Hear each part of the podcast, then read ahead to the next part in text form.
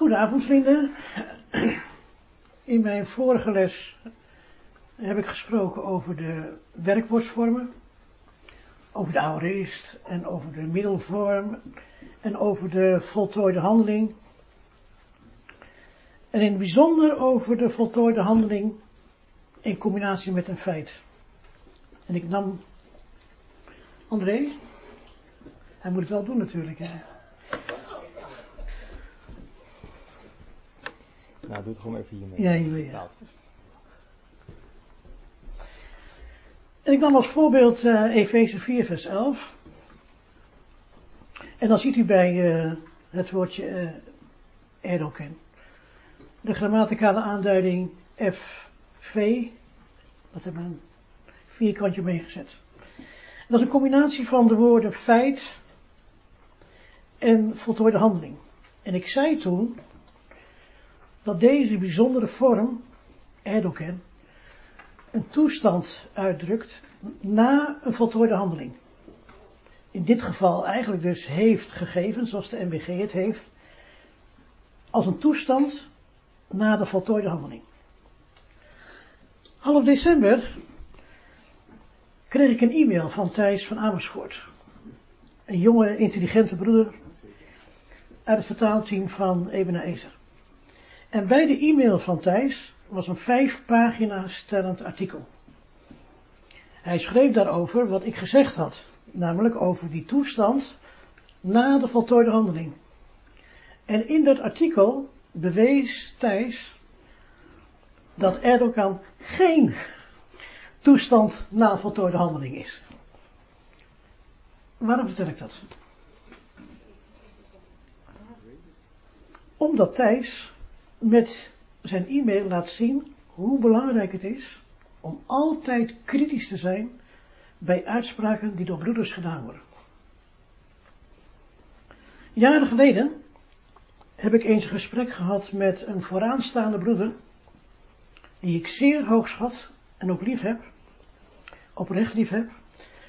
En, ik, uh, en die vooraanstaande broeder die zei tegen mij, wat de kerk nodig heeft, is een opwekking. En ik zei tegen hem, nee broeder, wat de kerk nodig heeft zijn bereërs. Mensen die dagelijks de schriften nagaan, kritisch, of de dingen die in de kerken beweerd worden wel zo zijn. En zo heeft Thijs van Amersfoort heel gedegen mijn opmerkingen aan de schriften getoetst. Daar hou ik van. Ook wanneer mijn opmerkingen niet de toets van de kritiek kunnen doorstaan. Thijs liet mij namelijk zien dat ik niet alle contexten bestudeerd had. Misschien dat dat hier wel past, maar niet in alle contexten. Nou, als je dus zoiets beweert, zoals ik, dan moet je dus alle contexten controleren of het klopt. Anders ben je niet concurrent bezig. Thijs van Amersfoort, die heeft daar een, oplossing voor bedacht. Wat het dan wel moet zijn, dat ga ik u niet vertellen. Want er was weer een andere heel competente broeder, die weer precies iets anders zei dan Thijs van Amersfoort. Dus ik beloof u dat ik erop terugkom. Maar ik ben het nu aan het bestuderen. Of dus Thijs gelijk heeft, of die andere broeder, of dat de waarheid ergens in het midden ligt. Ja. Dus uh, dat heeft nogal wat uh, consequenties gehad, uh, die opmerking van mij. Uh, nu zeg ik nog een keer, waarom vertel ik u dat nou? Omdat ik aan u wil uitleggen wat het doel is van deze Griekse lessen. Nou, wat is dat doel dan? Nou, ik wil aan u laten zien waar wij ons bevinden. Wij bevinden ons namelijk in een onbekend land. Het Nieuwe Testament is in het Koine Grieks geschreven. Het Koine Grieks is een dode taal. Dat wil zeggen, het wordt al 1500 jaar niet meer gesproken. Het is dan buitengewoon lastig om de juiste betekenis van de Griekse tekst vast te stellen. Ik heb een heel goede kennis. Het is een Griek. Hij woont in Corfu. Hij is een paar jaar jonger dan ik. Geen 75, maar hij is een paar jaar jonger dan ik. En deze man, deze kennis dus van mij, die heeft zijn theologische opleiding in een Grieks-orthodox klooster gehad. Hij werd een Grieks-orthodoxe monnik. En op een gegeven moment werkte hij in een klooster in Jeruzalem. En toen raakte hij in zijn spaarzame uren buiten het klooster verliefd op een Nederlands meisje. Toen verliet hij het klooster, trouwde, kreeg kinderen, had een fulltime baan enzovoorts. Maar al die jaren is hij voorzanger in de Grieks-Orthodoxe Kerk gebleven. Hij kent alle patriarchen persoonlijk. Deze man is buitengewoon intelligent. Hij beheerst het Koine Grieks als geen ander. Hij kan er zelfs in zingen. Ja? Maar hij begrijpt er niks van.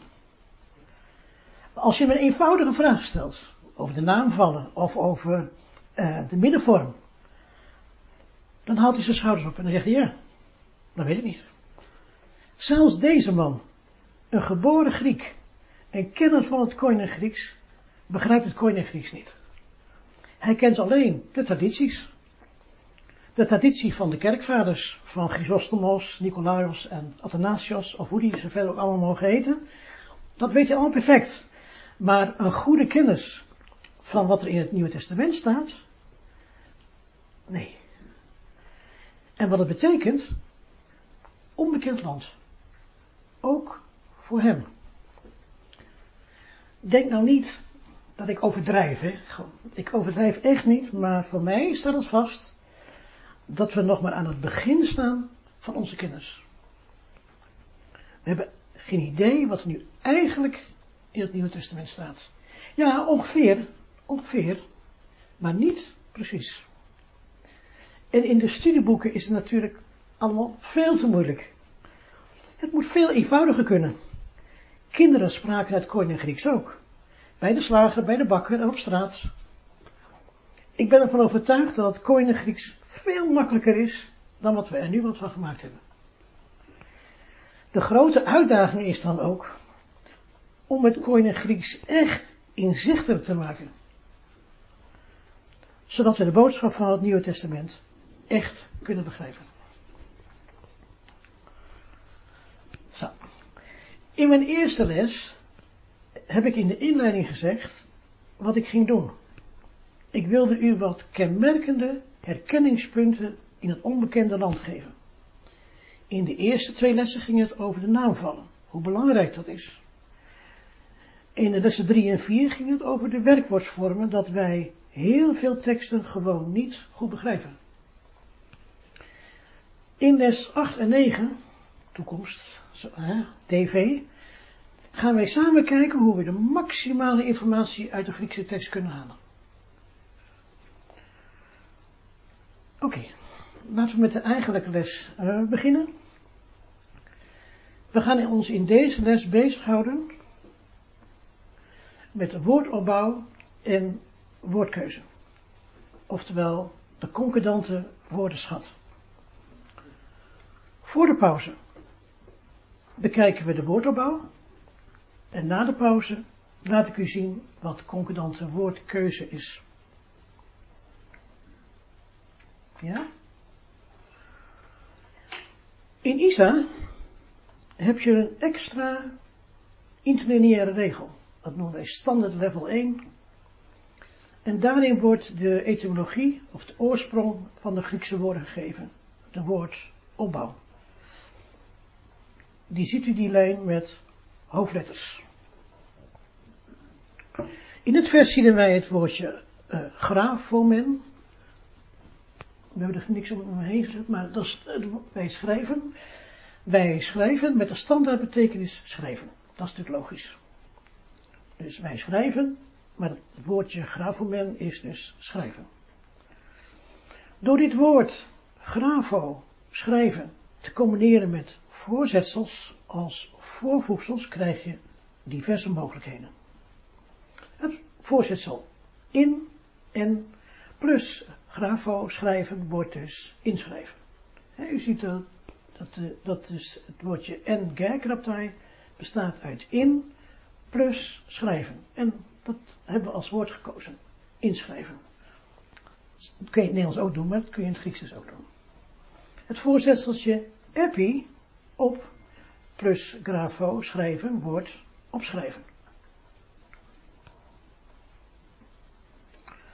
Wat minder voor de hand liggend is pro voor plus grafo schrijven. Dit wordt niet voorschrijven, maar tevoren schrijven. Want voorschrijven, dat doet de dokter, hè? De dokter schrijft iets voor. Maar dat is het woord niet, het is tevoren schrijven. En dan wordt de standaardbetekenis dus in hoofdletters gegeven en het vertaalwoord in kleine letters. Ook de combinatie apo vanaf met grafo schrijven levert een niet zo voor de hand liggend vertaalwoord op, namelijk vanaf plus schrijven wordt registreren. dat is de bekende geschiedenis in Lucas 2, dat de hele bewonerwereld geregistreerd moest worden. Niet ingeschreven, maar, uh, zoals in de vertaling staat, maar geregistreerd. Je kunt het woord apo ook combineren met uh, een ander werkwoord. Dus hier in Lucas 5 vers 2, vanaf plus stappen wordt er afstappen van het schip. En vanaf plus spoelen wordt dus afspoelen. Allemaal niet zo moeilijk. Ik geef ook eenvoudige voorbeeldjes dat u kunt zien. Zo kun je het dus herleiden. Wat speelt er is de combinatie apo, dat is vanaf, plus demos, dat is bevolking zijn. Dat levert het, uh, dus vanaf bevolking zijn, wordt aan het vertaalwoord op reis gaan. Vind ik wel geestig. Als je vanaf de bevolking gaat, ga je op reis. Ja. Dus dat is, uh, dus uh, af en toe moet je dan ook even om glimlachen om die combinaties. Ja.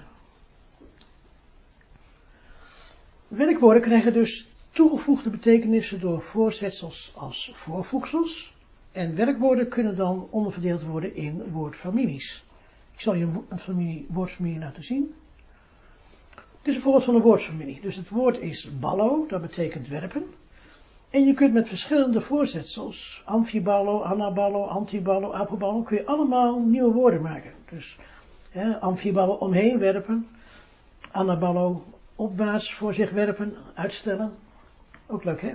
Ik werp iets opwaarts voor mij, dat betekent dat ik het uh, uitstel. Apoballo van afwerpen, dus afwerpen of wegwerpen. En zo kun je met al die voorzetsels uh, verschillende woorden maken. Maakt het Grieks verschillende woorden. En dat zie je dus in de uh, etymologie. Ja? Werkwoorden krijgen dus toegevoegde betekenissen door voorzetsels als voorvoegsels en zelfstandige naamwoorden. Die kunnen naast de naamvallen ook achtervoegsels hebben. Dus iets, een woordje, woordjes uh, achter, letters achter het zelfstandig naamwoord. En dan krijg je bepaalde betekenissen. En die wil ik even met u doornemen. Het achtervoegsel cis, dat is in het Nederlands ing. En dan zie je het, het woord uh, genesis, wording. En dat is een zelfstandig naamwoord als een handeling die bezig is. Dus als je in, in het Grieks dus het achtervoegsel cis staat, zoals genesis, dat is een handeling die dus bezig is. Dus dan staat er hier hè, van de, Jezus Christus was de verwekking zo. En dan wordt dus echt de handeling beschreven. Uh, ja, en niet het feit. De handeling wordt beschreven. Het achtervoegsel cis is dus een, een handeling die bezig is. Dat zie je ook bij het woordje crisis. Het woordje beoordeling. Het is dus een oordeling, oftewel een beoordeling. Dat is een handeling die bezig is. Dan gebruik je het woordje beoordeling.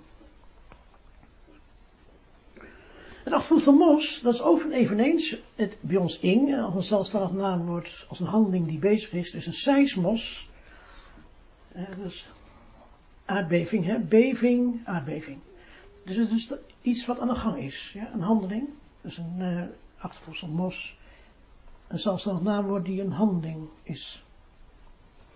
Als je het achtervoegsel thees hebt, bij profetes of uh, geogos, uh, landbouwer, dan is het dus iemand die beroepsmatig handelt. Dus een profeet is beroepsmatig bezig en een landbouwer natuurlijk ook. En dat zie je de achtervoegsels. Ja, dus bij zo'n zelfstandig naamwoord is niet alleen leuk om te weten van, uh, als je dus een vertalingwoord hebt, profeet, en dan zie je dus als je naar het woordje profeet kijkt, profetes, dat is een voor met nadrukzegger. Ja. Dus je zegt iets met nadruk, en je zegt het voor, en het weten we dat het al tevoren is, of je doet het voor iemand, en het, en het achtervoegsel thees wil zeggen dat je dat, je dat uh, dat je handelt als degene die handelt en vaak ook beroepsmatig. Nou, landbouwer, Georgos. Het achtervoegsel uis, in het Nederlands ook, er, even is een zelfstandig naamwoord. Dus een schriftgeleerde is een grammathuis, schrijver eigenlijk, hè? dus de letterlijke vertaling is schrijver. Ik heb geprobeerd om dat uh, als vertaalwoord te nemen, het woordje schrijver, dan heb je dus de, de fariseeën en de schrijvers. Dat kan. Maar dat was een, uh, ook als een beroep. En ik heb toen toch gekozen voor het woordje schriftgeleerde. Dat heeft namelijk een dubbele betekenis, schriftgeleerde. Namelijk dat je geleerd bent in het schrift. Dat je het schrift beheerst. Dat waren vaak ook de schrijvers. En een schriftgeleerde in de zin van de schriften. Dus de mensen die geleerd waren in de schriften. Oftewel in het uh, Oude Testament. De Tenach. Dus ik heb toch gekozen voor het woordje schriftgeleerde.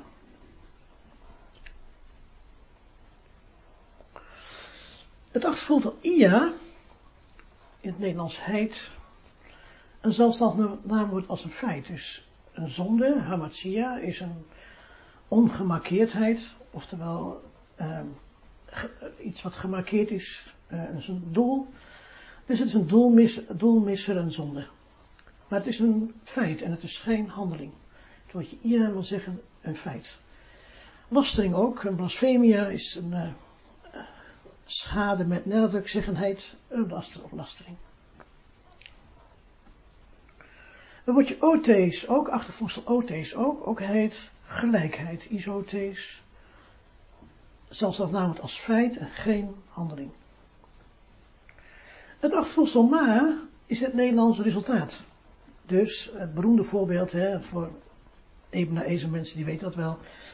Pneuma is dus uh, blazen resultaat. En dat is dan windstoot, in één geval, één of twee gevallen windstoot. En voor de rest allemaal geest in onze vertaling. Dus geest is dus het resultaat van blazen.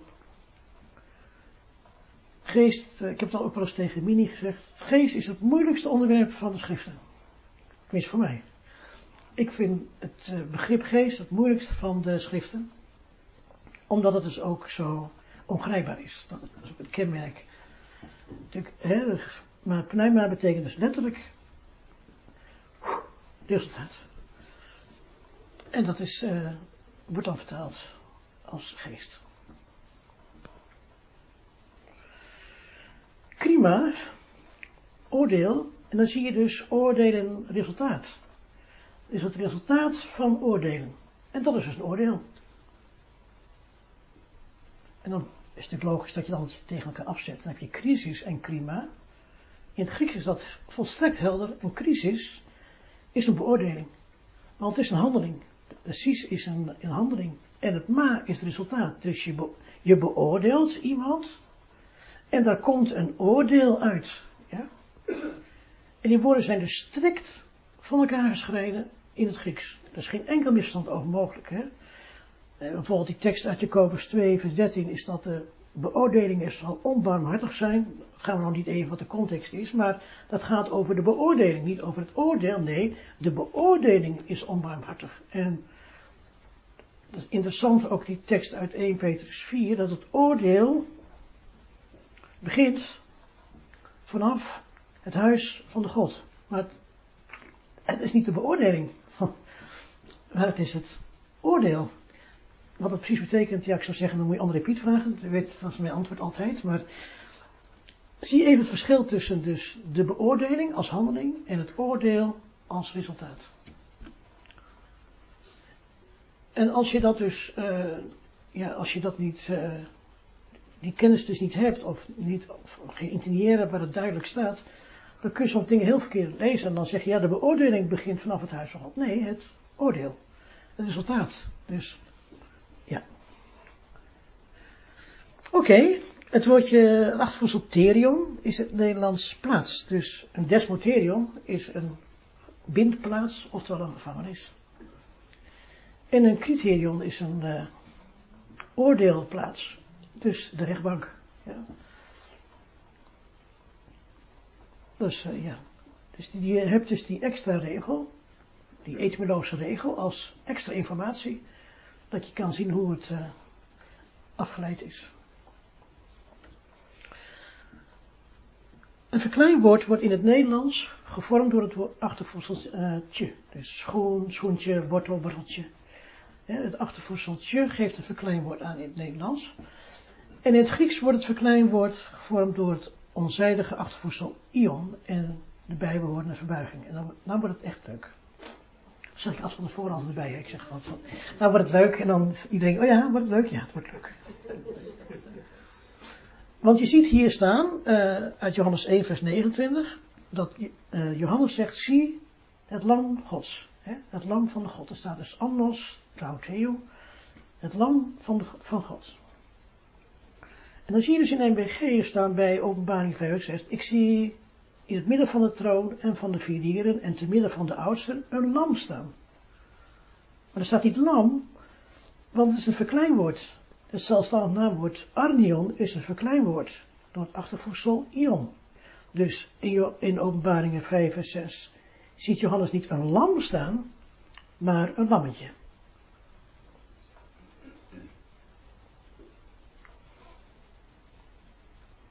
Waarom is dat zo leuk? Nou, kwetsbaar, dat kan niet, denk ik dan. Een lammetje. Hetzelfde voorbeeld van een hond, ja, dus een voorbeeld uit 2 Petrus 2 vers 22. Een hond die omkeert op zijn eigen braaksel. Het woordje hond is kuon.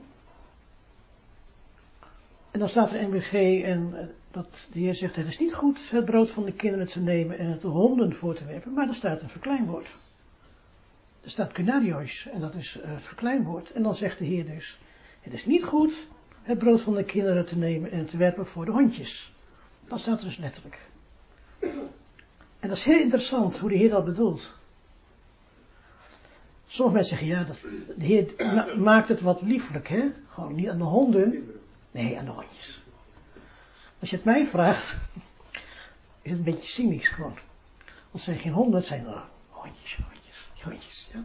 Dus wat het is, weet ik niet, maar er staat dus hondjes en niet honden. En dat is heel jammer dat ze dat niet gedaan hebben, want dat, dat is nou juist het speelse element in wat, wat de Heer gewoon zegt. Ja? Geef aan hondjes.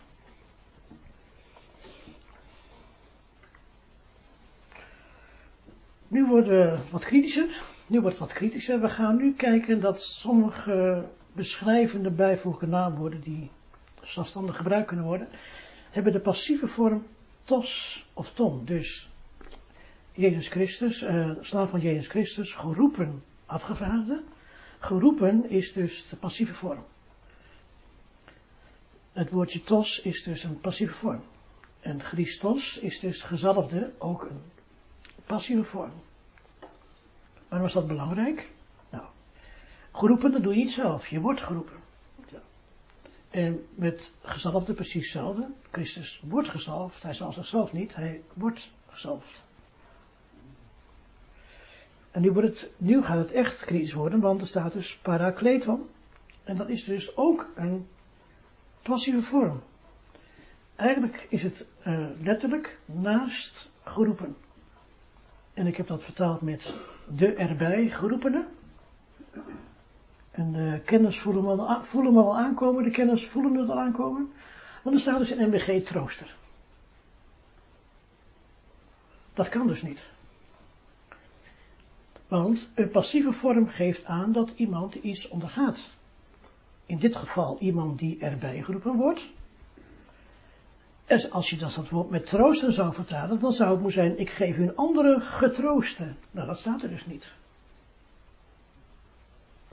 Vandaar dat de studiebijbel, zeer constructief boek, opmerkt, voor de vrije vertaling trooster is taalkundig gezien weinig basis zeg maar rustig, geen basis. Ja?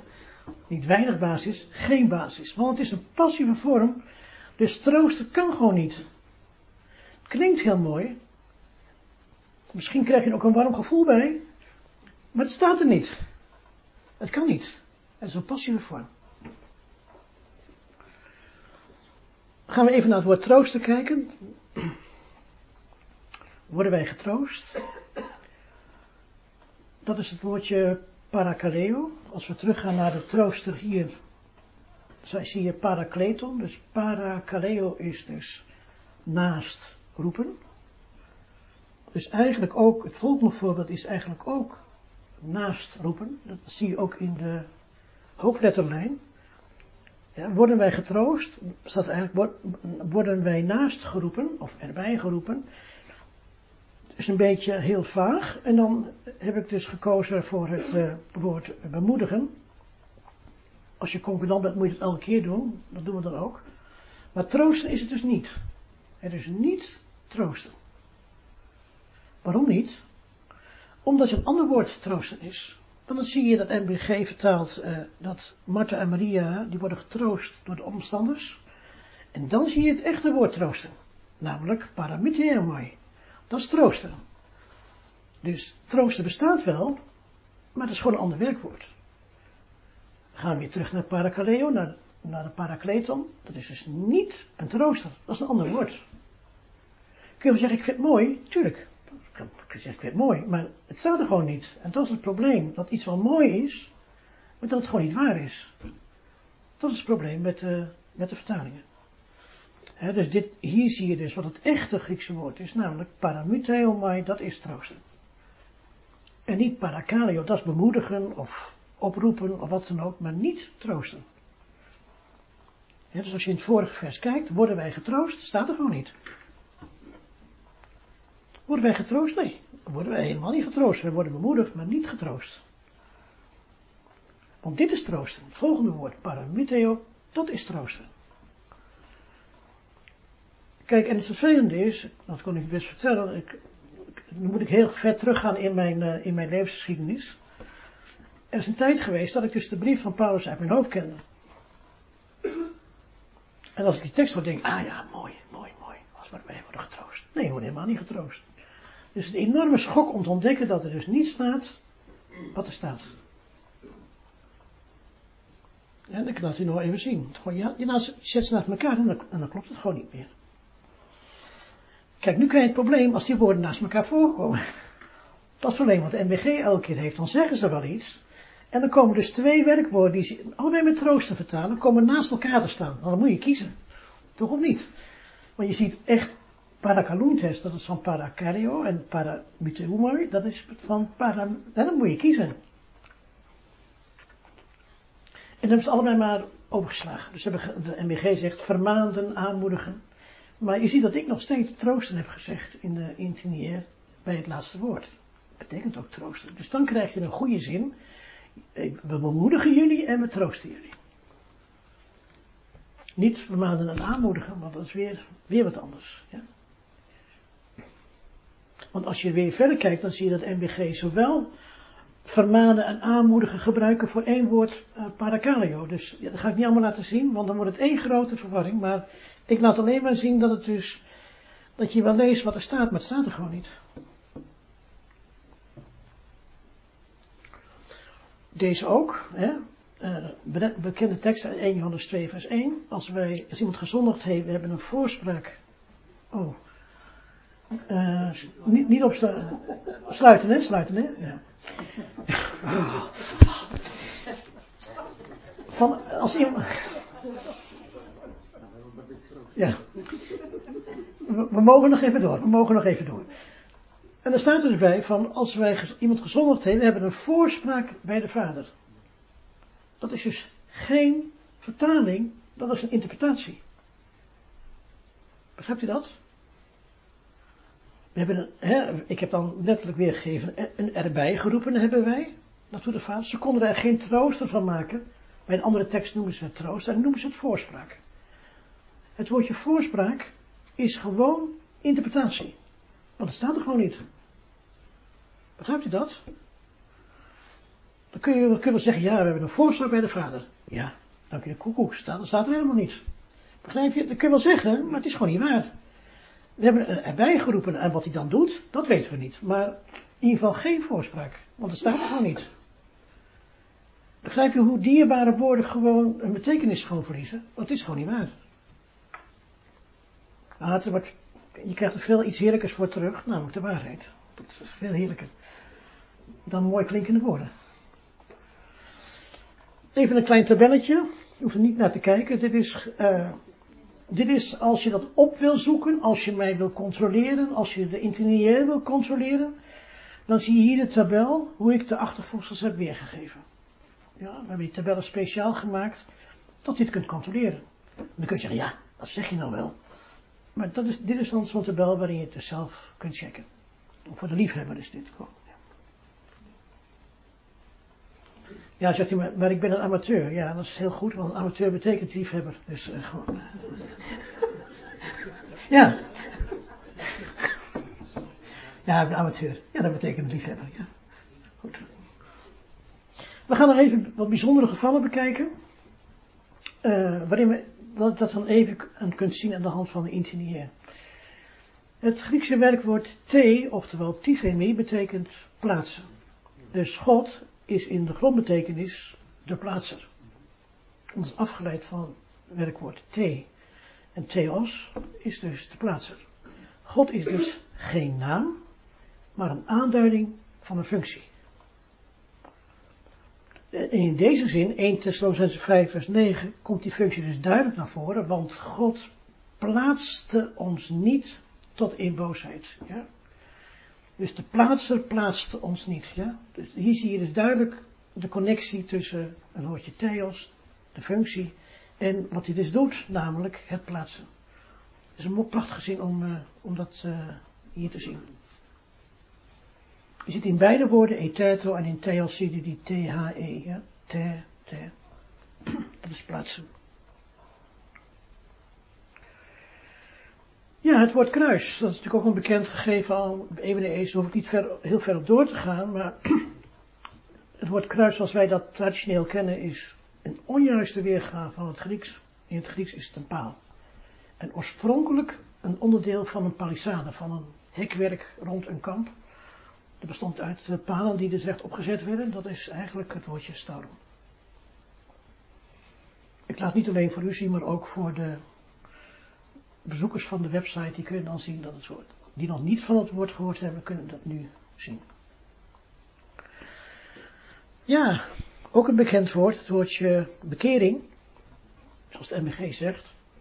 En daar staat dus, als je in de uh, onderste regel kijkt, metanoia, staat er met denkenheid, of nadenking, oftewel iets wat je met je verstand dus doet bezinning. Dus metanoia is dus bezinning, wat dus de MBG bekering noemt, is eigenlijk bezinning. Dat je nog eens even goed nadenkt, ja. En dat je dan misschien op je schreden terugkeert, ja. Maar dus, uh, metanoia is bezinning. Hier ziet u ook weer MBG dat ze zich niet uh, bekeren. En dan zie je opeens een heel ander werkwoord. Je ziet niet metanoia, maar ze zie dus epistrevo. Ja? En dat is op plus keren, oftewel omkeren. Dus bekeren is omkeren. Maar dat is niet het vorige woord. Want dat is dus bezinning, metanoia, maar het is epistrepo, namelijk omkeren. En dat is bekering. Ziet u hoe lastig dat is? Want dan zie, kijk je dus hier in de MBG en dan zie je bekering. Dan denk je, nou, bekering? Nee, bezinning. En hier bekering, ja, nou is het goed. Maar hoe weet je nou wanneer het nou goed is als je alleen een vertaling hebt? Dat weet je niet. De ene keer kan het misschien heel wat anders zijn. En dat is het probleem. Dus je moet teruggaan naar uh, de grondtekst. Of je moet natuurlijk een veel nog uitgebreidere uh, concordante vertaling hebben van Ebenezer. En dan weet je zeker of het bezinning is of bekering. Want hoe weet je het anders? Ja, het staat er. Ja, nee, het staat er wel, maar het staat er niet. Ja, dat is lastig. Hier zie je dan, hebben we dan zo aangegeven, dat MBG heeft dan twee keer, ja, uh, wat is nou bekering, ja? Nou, hier zie je dus de tweede werkwoorden, metanoia en epistrefo. En nou moet, ik, nou moet de MBG kiezen, ja? Want en het metanoia zeggen ze dat is bekering, en ze zeggen epistrefo is bekering. Maar nu komen die woorden naast elkaar. Nou, dan moet je kiezen. Nou, dan hebben ze dan toch, hebben ze gezegd, oké, metanoia noemen we dat, komt tot berouw, zeggen ze dan. Want bekering hoort bij epistrefo.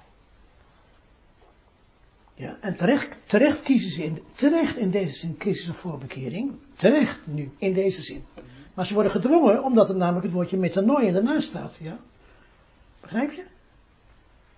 Nou, worden ze kiezen. Dan moet je kiezen, ja. Oh ja. Berouw hebben, metanoia, ja. Oké. En dan staat er ook weer in die hij berouw heeft, vergeeft hem. Dan zie je dus er weer het metanoia dat is met je verstand. En berouw is niet met je verstand, berouw is met je gevoel. Of niet? En dan krijg je weer een probleem. Dan komt de volgende tekst. Jullie hadden berouw. Ja, nou krijg je weer een ander werkwoord. En nou is het berouw of spijt hebben. Ik heb het met spijt hebben gedaan.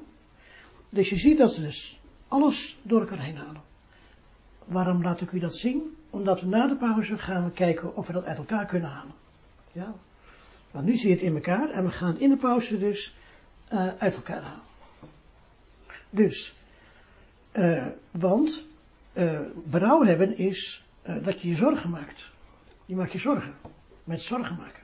Oftewel, spijt hebben, emotie. Dus, bekering is omdraaien.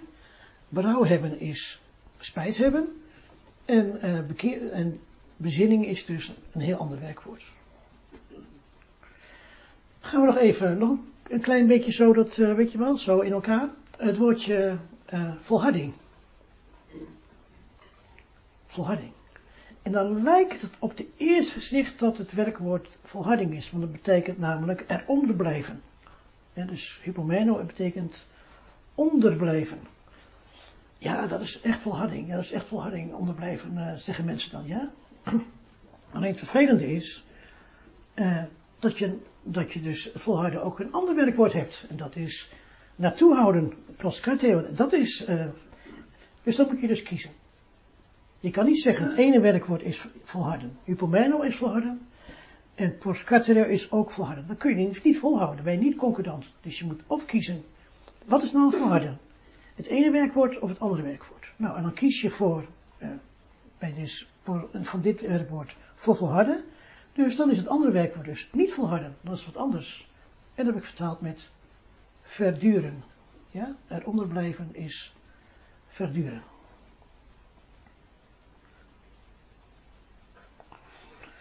Ja, alle volharding, uh, dat is correct. MBG, hè, dat correct, ja. Dan wel. Pauze. Zo. Dit hebben we gehad. Gaat snel, hè?